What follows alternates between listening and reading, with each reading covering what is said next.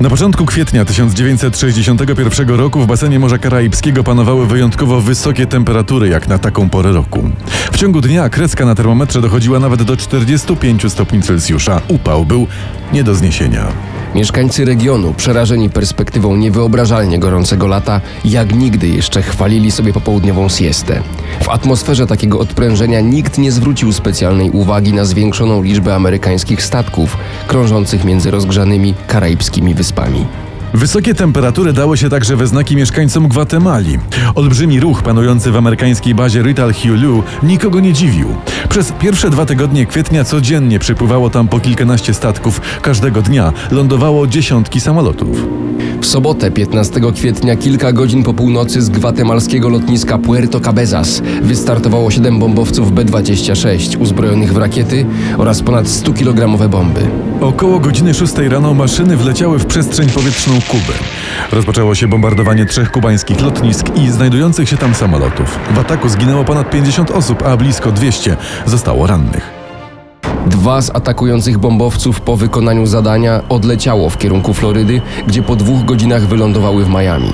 Pozostałe maszyny wróciły do Gwatemali. Najbardziej zaskakujący był jednak fakt, że wszystkie te samoloty pomalowane były w kubańskie barwy narodowe. W niespełna 40 godzin później z portu w Gwatemali wypłynęło pięć okrętów desantowych. Na ich pokładzie znajdowało się ponad 1400 doskonale uzbrojonych i świetnie wyszkolonych żołnierzy. Około wpół do drugiej w nocy statki dobiły do kubańskiego brzegu. Już kilka godzin wcześniej w miejscu desantu pojawiła się brygada płetwonurków, która miała przygotować teren pod wysadzenie nieproszonych gości. Tajemnicze wojsko podzielone na sześć batalionów błyskawicznie zajęło dwie plaże Larga i Giron. Na miejscu rozpętało się prawdziwe piekło. Postawione w stan najwyższej gotowości kubańskie wojsko starało się za wszelką cenę nie dopuścić najeźdźców w głąb lądu. Z pobliskich wzgórz odezwały się potężne działa. Dwa nieprzyjacielskie statki, Maropa i Houston, zatonęły w niespełna pół godziny. Atakujące wojsko nie było przygotowane na taki opór. Najbardziej zaskoczony był Manuel Artini, który bezpośrednio dowodził atakiem i pracował dla amerykańskiej Centralnej Agencji Wywiadowczej. Największy szok szturmujący przeżyli, gdy w powietrzu pojawiło się kilkanaście kubańskich bombowców.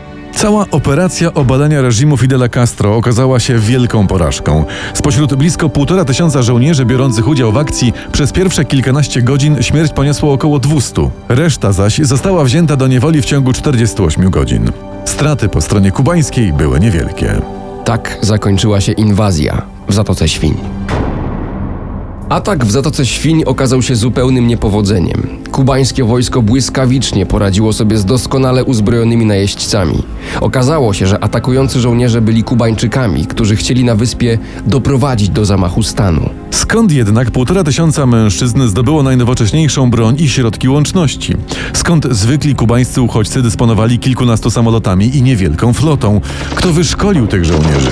Całą operację należało przecież dokładnie przygotować. At a secret base in the Guatemalan jungle, American CIA agents had been training Cuban exiles to invade Cuba. Pierwsze podejrzenia już w kilka godzin po ataku padły na Stany Zjednoczone. This, they thought, would be the impetus for the Cuban people to rise up and overthrow Castro. Oskarżona o zaplanowanie i przeprowadzenie inwazji została Centralna Agencja Wywiadowcza. O zleceniu zamachu posądzono prezydenta Stanów Zjednoczonych. Johna Fitzgeralda Kennedy'ego. Na początku lat 60. oczy całego świata zwrócone były na karaibską wyspę Kubę. Od kilkunastu miesięcy władzę sprawował tam Fidel Castro, który objął rządy po obaleniu reżimu Fulgencio Batisty. sobre la cuestión acerca de si la lucha armada es el único camino Mówi Fidel. Jesteśmy pochodnią międzynarodowego pokoju. Mamy do wypełnienia specjalną międzynarodową misję. Uratujemy rewolucję na Kubie. Uratujemy socjalizm na świecie. Eh, el triunfo democrático de, de la revolución. Nowy przywódca bardzo szybko popadł w konflikt ze Stanami Zjednoczonymi. Największą złość Waszyngtonu wywołała przeprowadzona przez Castro bez jakichkolwiek odszkodowań nacjonalizacja prywatnych majątków. Już mówiłem, że nie mamy wielkich ambicji. Mówię szczerze, nie mam ambicji, władzy ani pieniędzy. Chcę tylko służyć mojej ojczyźnie. W jej wyniku największe straty ponieśli działający na Kubie amerykańscy przedsiębiorcy. Nie to okazało się jednak przyczyną prawdziwej wojny na linii Waszyngton-Hawana. Młody kubański wódz bardzo szybko począł bowiem spoglądać w stronę Związku Radzieckiego. Soviet Premier Nikita Khrushchev began secretly importing nuclear missiles to Cuba. Moskwa zaczęła udzielać nowym władzom na wyspie olbrzymich pożyczek. Co więcej, w połowie 1960 roku rosyjski premier Nikita Chruszczow zapowiedział umieszczenie na Kubie rakiet dalekiego zasięgu. Niepokój Amerykanów sięgnął zenitu.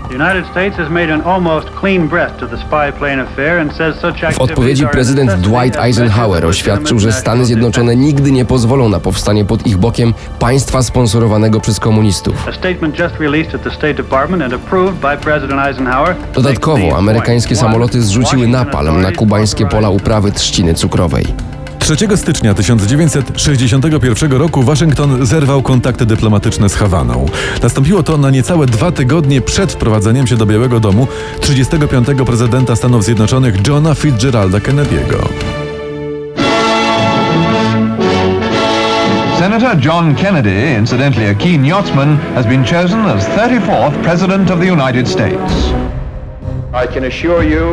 Ja, John Fitzgerald Kennedy, uroczyście przysięgam, że będę z najlepszą wiarą wypełniał powierzone mi obowiązki i jako prezydent Stanów Zjednoczonych będę chronił kraju i konstytucji. Tak mi dopomóż Bóg. W swoim wystąpieniu nowy przywódca nie pozostawił wątpliwości co do swojego stanowiska w sprawach międzynarodowych. good evening, my fellow citizens. To święto naszej wolności, symbolizuje to koniec pewnej epoki. To będzie odnowa i zmiana. Jesteśmy zjednoczeni, jak nigdy dotąd. Ten najmłodszy w historii amerykański przywódca już podczas kampanii wyborczej zapowiadał wprowadzenie radykalniejszych środków wobec reżimu Fidela Castro. Jakakolwiek obecność Związku Radzieckiego w tej części świata nie podlega dyskusji. Zwalczymy kubański komunizm. Wszyscy uchodźcy powrócą do swych domów. Obecna administracja nie robi w tej sprawie zbyt wiele. Młody amerykański przywódca nie wiedział jednak o spotkaniu, jakie 17 marca 60 roku zwołał w Białym Domu jego poprzednik, Dwight Eisenhower. Panie prezydencie, nasi informatorzy donoszą o zwiększonej liczbie rosyjskich żołnierzy na Kubie. No tak, mogliśmy się tego domyślać. Trzeba więc zastosować ostrzejsze rozwiązania. Możemy zlikwidować kubańskich decydentów w kilka tygodni. Nie, nie, to byłoby zbyt oczywiste. To musi wyglądać tak, jakby to sami Kubańczycy obalili Castro. Tym samym powołano tajny zespół, którego celem było dokonanie zamachu stanu na wyspie. Całą operację nadzorować miała CIA. Priorytetem programu było zorganizowanie kubańskiej opozycji i dostarczenie jej niezbędnej broni. Obejmujący urząd prezydent Kennedy nie był informowany o pracach specjalnego zespołu. Co więcej, prawdopodobnie nie wiedział nawet o jego istnieniu. Możliwe więc, że o inwazji w Zatoce Świń samowolnie zadecydowali agenci CIA. Przygotowania do inwazji na Kubę pełną parą CIA rozpoczęła w połowie 1960 roku. Za wszelką cenę starano się uniknąć podejrzenia, jakoby Stany Zjednoczone miały z tą akcją cokolwiek wspólnego. Miało to wyglądać na akcję Kubańczyków przeciw Kubańczykom. Waszyngton nie mógł pozwolić sobie na oskarżenia, że interweniuje w sprawę niepodległego państwa. Szybko rozpoczęto więc werbunek i szkolenie kubańskich uchodźców. Najemnikom płacono żołd w wysokości 400 dolarów dziennie. Cała operacja trzymana była w największej tajemnicy. Amerykanom bardzo zależało na pośpiechu. Zaskakujące jest jednak to, że CIA wiedziała, że plany ataku dotarły do wywiadów kubańskiego i rosyjskiego. Pomimo tego zdecydowano się na inwazję. Prezydent Kennedy zdawał sobie sprawę, że próba zbrojnej interwencji na Kubie może doprowadzić do poważnej konfrontacji ze Związkiem Radzieckim. Prawdopodobnie nie wiedział jednak, że CIA od połowy 60 roku planowała inwazję na wyspie. Akcja miała być przygotowana tak, by nikt nie łączył jej ze służbami specjalnymi Stanów Zjednoczonych. W Gwatemali założono tajną bazę treningową dla szkolenia kubańskich uchodźców. W Nowym Jorku utworzono dwie firmy zajmujące się dzierżawą samolotów od amerykańskiej armii. Na przygotowania operacji wydano olbrzymie sumy. Prezydent Eisenhower przeznaczył na ten cel blisko 50 milionów dolarów. Przeprowadzenie akcji powierzono generałowi Rajdowi Dosterowi. Zakładał on, że rebelianci szybko i bez większych problemów przedostaną się w głąb Kuby, gdzie miejscowa ludność przywita ich jako wyzwolicieli od komunistycznego jarzma. Nastroje jednak wśród Kubańczyków były zupełnie inne. Centralna Agencja Wywiadowcza nie wiedziała także, że nowy rząd w Hawanie wyszkolił i przygotował bardzo pokaźną armię. Było to możliwe dzięki pieniądzom uzyskiwanym przez Castro od Rosjan. Pierwotny plan ataku przewidywał lądowanie rebeliantów w rejonie miasta Trinidad, co umożliwiało łatwiejszą penetrację terenu. Projekt ten jednak został zmieniony przez prezydenta Kennedy'ego. Nakazał on przeprowadzenie desantu w innej części wyspy. Przywódca Stanów Zjednoczonych wierzył, że kubańscy uchodźcy opanują nadbrzeżne regiony i następnie poproszą o pomoc amerykańskie wojska. Miało to usprawiedliwić interwencję Waszyngtonu na Kubie.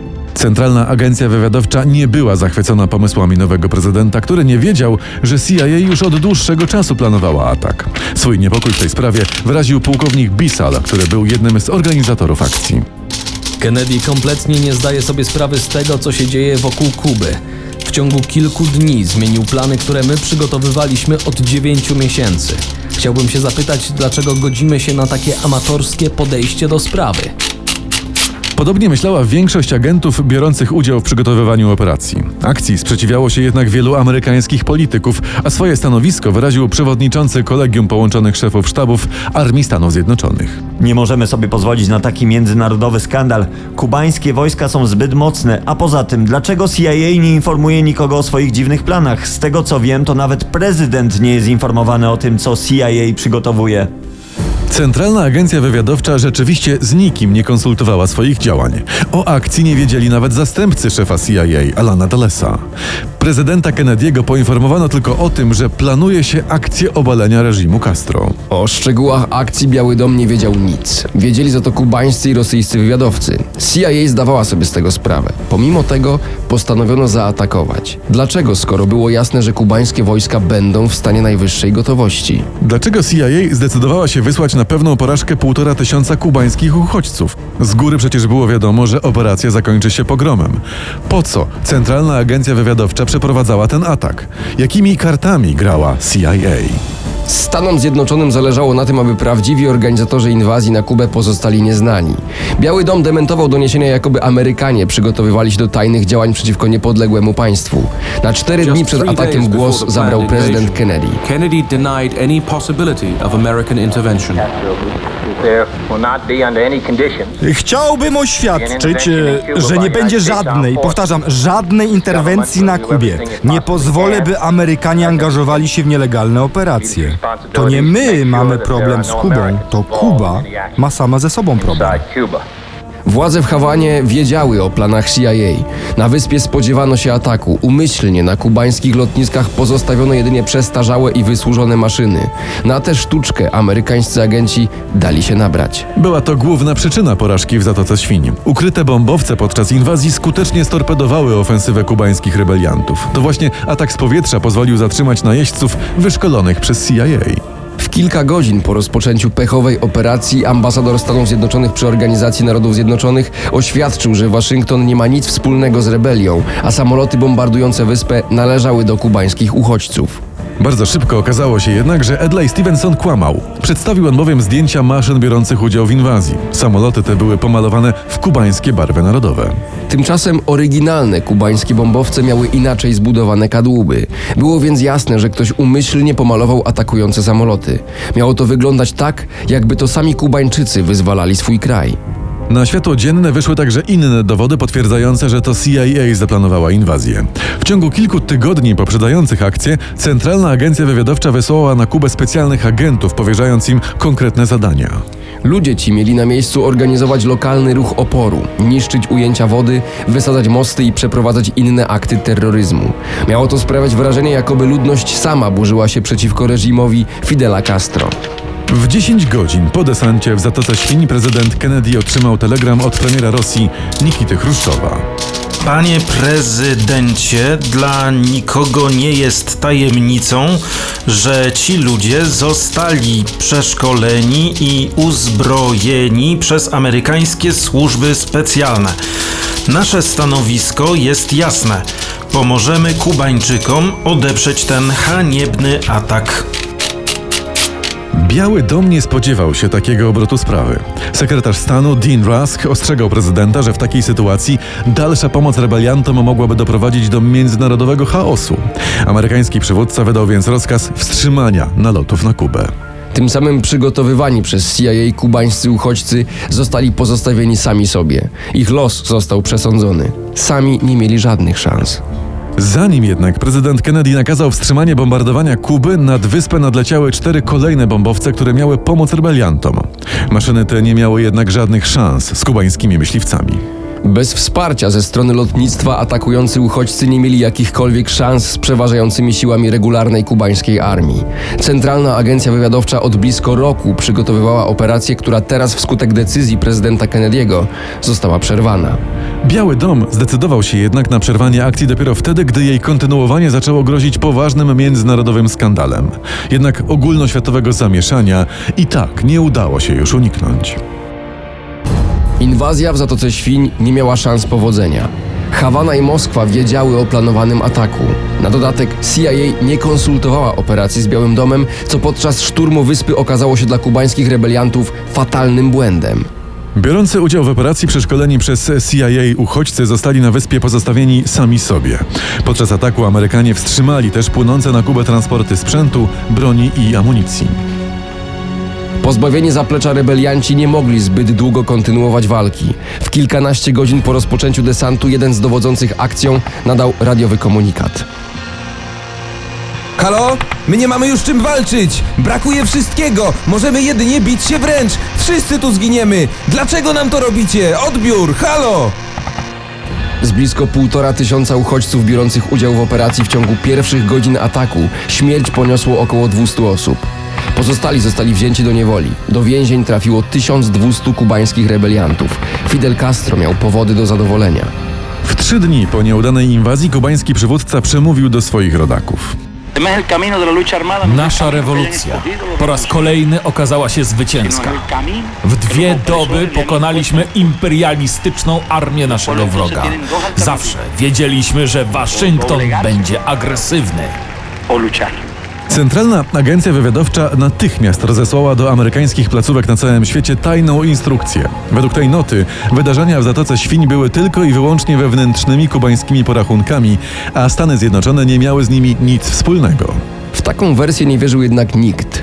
Dowody prezentowane przez reżim Fidela Castro były jednoznaczne. Amerykańska broń z demobilu, wraki bombowców B-26 używanych przez armię USA, zatopione statki desantowe i zeznania schwytanych rebeliantów. Początkowo prezydent Kennedy zaprzeczał, jakoby Stany Zjednoczone w jakikolwiek sposób przyczyniły się do inwazji. Podobne stanowisko zajęli członkowie waszyngtońskiego gabinetu. Prawdy nie dało się jednak ukryć. Pomimo tego amerykański przywódca zamiast przeprosić za cały incydent w pierwszych dniach po operacji, nadal wysyłał ostrzeżenia pod adresem rządu w Hawanie. Co więcej, stwierdził nawet, że kraje Ameryki Łacińskiej mają swobodę wyboru ustroju pod warunkiem, że nie jest to model komunistyczny. Niedługo potem prezydent Kennedy przyznał jednak, że operacja w Zatoce Świń była nadzorowana przez Centralną Agencję Wywiadowczą. Wziął także na siebie całą winę za fatalny atak. Jest to o tyle dziwne, że Kennedy o całej operacji CIA wiedział bardzo niewiele. Pomimo, że prezydent Kennedy wziął na siebie winę za inwazję w Zatoce Świń, w kilka dni po ataku nakazał przeprowadzenie dogłębnego śledztwa w całej sprawie. Bardzo szybko zwolnił szefa Centralnej Agencji Wywiadowczej Alana Dalesa. Swoje stanowiska stracili też jego zastępcy i dyrektorzy kilku departamentów CIA.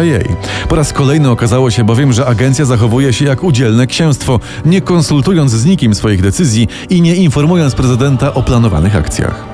Raport z dochodzenia w sprawie Zatoki Świń był dla amerykańskich służb specjalnych tak niekorzystny, że nowy szef CIA nakazał zniszczenie prawie wszystkich kopii tego dokumentu. Raport ujrzał światło dzienne dopiero po wielu latach.